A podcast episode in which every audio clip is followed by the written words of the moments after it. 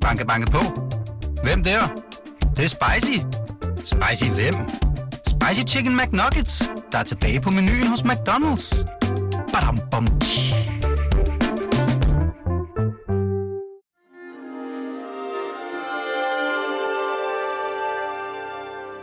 Du lytter til Weekendavisens hjemmeskole. Ja, hej, mit navn er Lone Simonsen. Jeg er professor og pandemiforsker ved Roskilde Universitet. I dag skal vi snakke om SARS i 2003.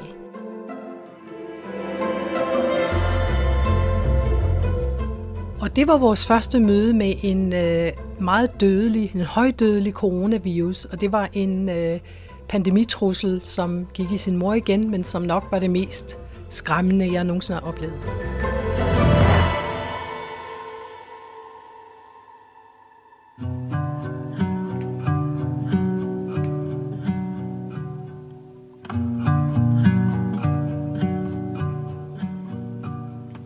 Vi modtog alle de der rapporter, det spredte sig fra Asien til Kanada til Nordamerika, og, øhm, og vi følte simpelthen bare, at det her går galt. Vi, vi kommer alle sammen til at dø. Hvordan kan det andet, når vi har sådan en høj spredning? Jeg var meget påvirket af det her. Det her det kommer til at gå helt galt. Om et øjeblik så lukker flyene ned mellem, mellem Europa og USA, og så kan jeg ikke komme hjem til mine børn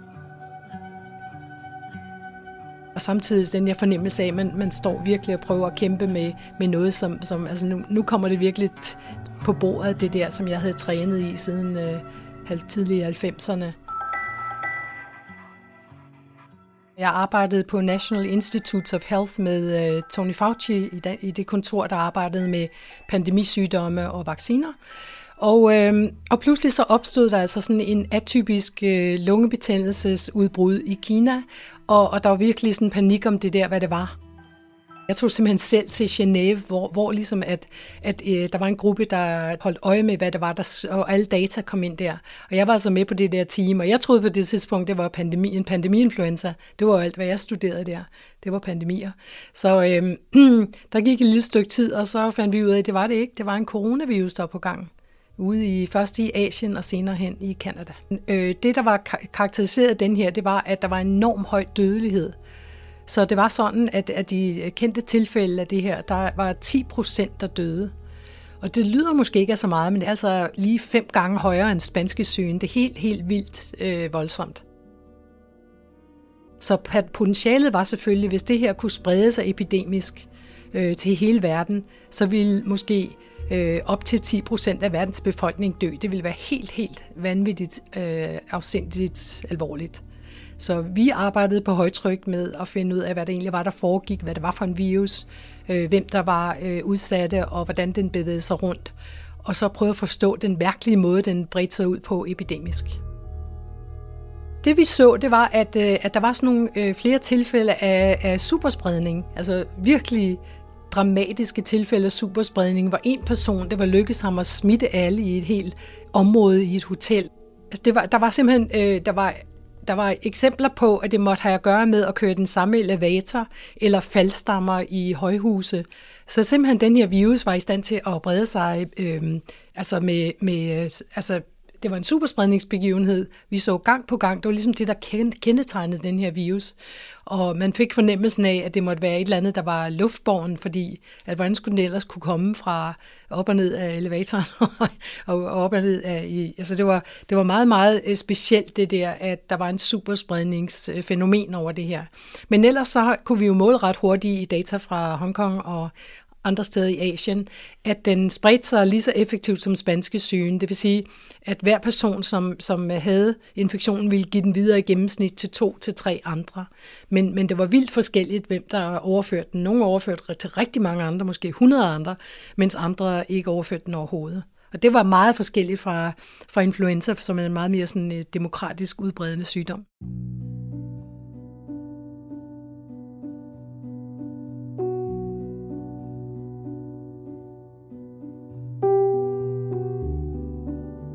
Først så får vi data fra Hongkong, fordi at Kina kan det være lidt svært at få information fra. Men så snart den kommer til Hongkong, så, øh, så begynder altså data rigtig at rulle ind. Og vi er altså i 2003, det er øh, i faxernes tid, så vi stod der i øh, Genève og modtog faxer fra, om, om patienter og prøvede at få et overblik over, hvordan den bredte sig epidemiologisk fra uge til uge, og hvem der var i risiko og det ene og det andet. Så det, det er simpelthen sådan en, en, en helt basal måde at, at gå til det på. Man har et nyt udbrud, vi prøver at karakterisere det, vi prøver at forstå det, vi prøver at forstå dødeligheden, og, og, og alt det er ikke så nemt, som man måske øh, tror, fordi der er for eksempel en øh, tidsforskydning mellem, at øh, tilfældene kommer, og så hvornår man dør af den. Så man skal lige have noget øh, øh, matematik ind i det for at forstå, hvordan, hvor dødelig den egentlig er. Og det, alt det der arbejder vi på i et lyntempo og med forskere i hele verden. Det, der var med SARS, det var faktisk meget lykkeligt, at øh, de fleste mennesker, som fik sygdommen, eller som fik smitten, ser ud til at faktisk have fået symptomer, så de kunne findes. Og det andet, der var virkelig vigtigt med den her, det var, at, øh, at man begyndte ikke selv at smitte før et par dage inden i sit, syg, sit symptomforløb. Det vil sige, at det her var en virus, som man faktisk havde en god chance for at finde dem, som smittede, og få dem stoppet, inden de smittede videre. Og man havde også en god rumtid til at finde de næste, fordi det kunne gå helt op til øh, 14 dage i princippet, før at de havde smittet til den næste person. Så det er virkelig en, øh, en sygdom, som viste sig at være en, hvor man kunne øh, kontaktopspore øh, og isolere med en, en god succes.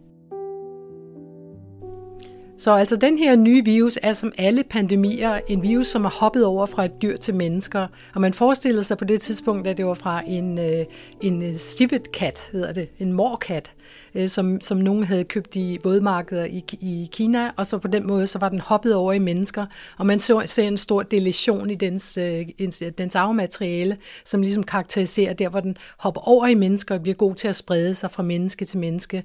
Og det er det, der definerer, at man har en, en øh, sygdom, som kan blive epidemisk, en ny sygdom, som har et pandemipotentiale, fordi den kan sprede sig effektivt blandt mennesker.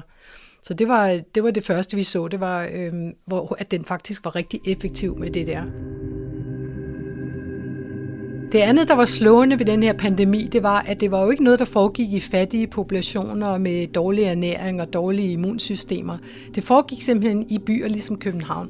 Det foregik i Hongkong, det foregik i Toronto, øh, hvor, hvor simpelthen, at, øh, at vores at vores øh, kolleger, vores øh, læger og sygeplejerske kolleger i de lande, kæmpede som besatte for at, at, at få den her epidemi på, under fod, og øh, samtidig med en enorm risiko for selv at få smitten.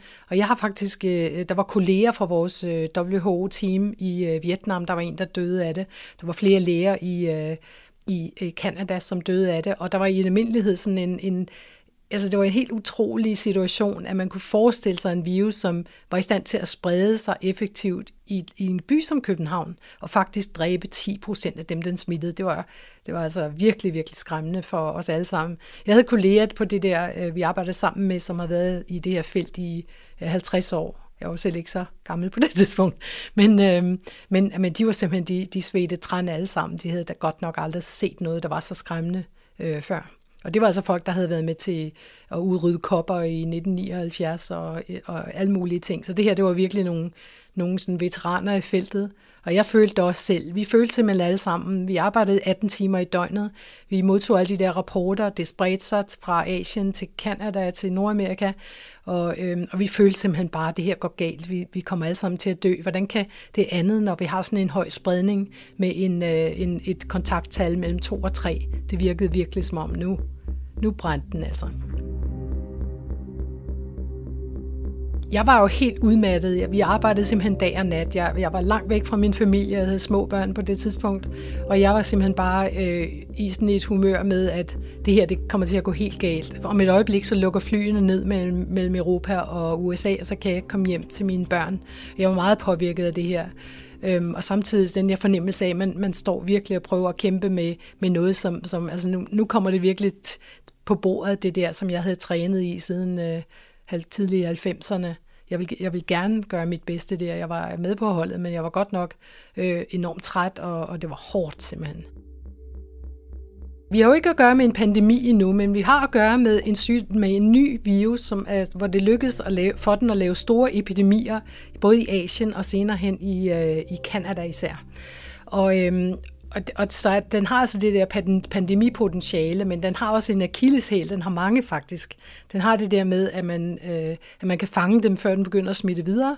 Øh, plus at den har det der supersprederbegivenhed, det slår mig senere hen, at det var en af grundene til, til, at vi faktisk kunne håndtere den her. Men for men det, der så sker, det er, at, at, at vi, altså alle lande går helt vildt i gang, altså de lande, der er involveret, med at smitte op spore, isolere patienter, og man finder ud af ret hurtigt, at en, en øh, især øh, farlig situation, det er på hospitaler, når man intuberer øh, folk, er faktisk, øh, som har smittet, at det faktisk i den situation, man får de der superspreder begivenheder. Øh, efter man forstår det, øh, så, så får man ligesom has på nogle af de der øh, tidspunkter, hvor den rigtig kan sprede. Og så af en eller anden grund, så lykkes det simpelthen med alle de der øh, arbejde, som blev gjort i, i, af epidemiologer og læger hele verden over. Så pludselig så blev det øh, sådan, at den her virus forsvandt. Den holdt op med at være epidemisk, og ikke bare det, den forsvandt fra jordens overflade, viruset SARS. Så det var en fantastisk succes, som egentlig, må jeg sige, i alle de her år har undret mig noget, hvordan vi kunne være så gode til at, at, at få stoppet noget, der havde sådan et potentiale der. Og det er først efter, jeg begyndte at arbejde med covid her i 2020, jeg faktisk tror, jeg forstår, hvad der skete. SARS er den første, vores første møde med en, øh, en dødelig coronavirus. Vi har så haft tre dødelige coronavirus. Vi havde SARS i 2003, som blev stoppet samme år. Vi har MERS, en, øh, en anden en, som huserer i Mellemøsten. Den kommer fra kameler. Øh, den, øh, kan ikke, den, kan, den er endnu dårligere til at sprede sig, men endnu mere dødelig, hvis man får den. Øh, den har været der siden 2012 og den er der stadigvæk. Og så har vi øh, nu øh, coronavirus, øh, covid-19 her, i, øh, som blev født i november 2019, og som har givet en, det for første gang en, en observeret coronavirus-pandemi, som, som vi så har arbejdet på hele det her år, herrens år 2020. Efter jeg har set på øh, covid og set, hvor, hvor vigtig superspredning er, og det er noget arbejde, jeg har lavet sammen med mine kolleger fra Kim Sneppen og hans øh, studerende fra Niels Bohr Instituttet, det er faktisk, at man, hvis man modellerer de der superspredning som et fænomen ind i de der modeller, og man prøver at trykke sådan en virus ned med, med forskellige tricks, så virker det meget, meget bedre. Det er som om, at superspredning er en akilleshæl for, for øh, covid-19, og så faldt det mig ind, det var det måske også for, for SARS. Vi tænkte bare ikke på det på den måde dengang, men nu har vi simpelthen demonstreret det i modeller, at det her det er virkelig noget, som, øh, som batter noget, fordi de fleste ikke smitter særlig meget videre, så hvis man kan stoppe de der begivenheder, hvor rigtig mange smitter, smitter, så kan man faktisk få, få trykket sådan en virus helt i bund.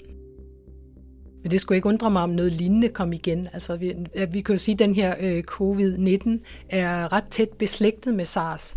Så altså, det kan godt være, at der er en, der er en gren af beta-coronavirus-familien, som er særlig god til at hoppe over i mennesker, for eksempel. Det, det kan jo godt være. Men noget andet, som, som virkelig slog mig, og det er faktisk år, for år siden, at det slog mig, at coronavirus måske havde, hvad det tog til at blive en pandemi.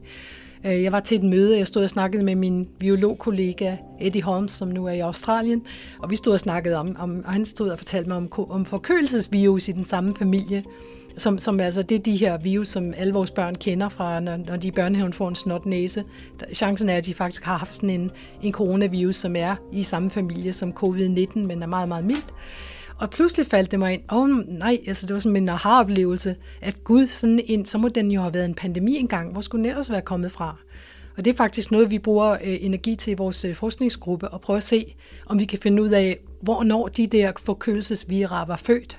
Jeg vil simpelthen at forstå, øh, hvad der egentlig får en epidemisk sygdom til at kunne sprede sig. Øh, der kan vi jo forstå, øh, hvad det er med covid, der gør faktisk, at den, at den kan sprede sig. Det er jo helt klart, at den har desværre nogle af de karakteristika, som var omvendte SARS. For eksempel så covid spredes to dage før man selv får symptomer, og man kan også være asymptomatisk og sprede den.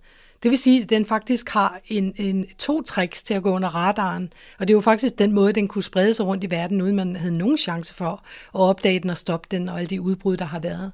Lige fra starten så øh, så det sådan ud, men det tog et stykke tid før, at vi, øh, at vi sådan kunne forstå, at det faktisk var en pandemi. Der var ikke så meget at gøre ved det. Den, den var ret ustoppelig.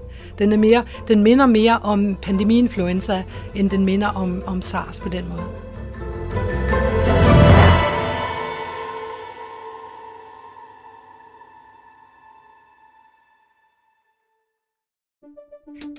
Banke, banke på.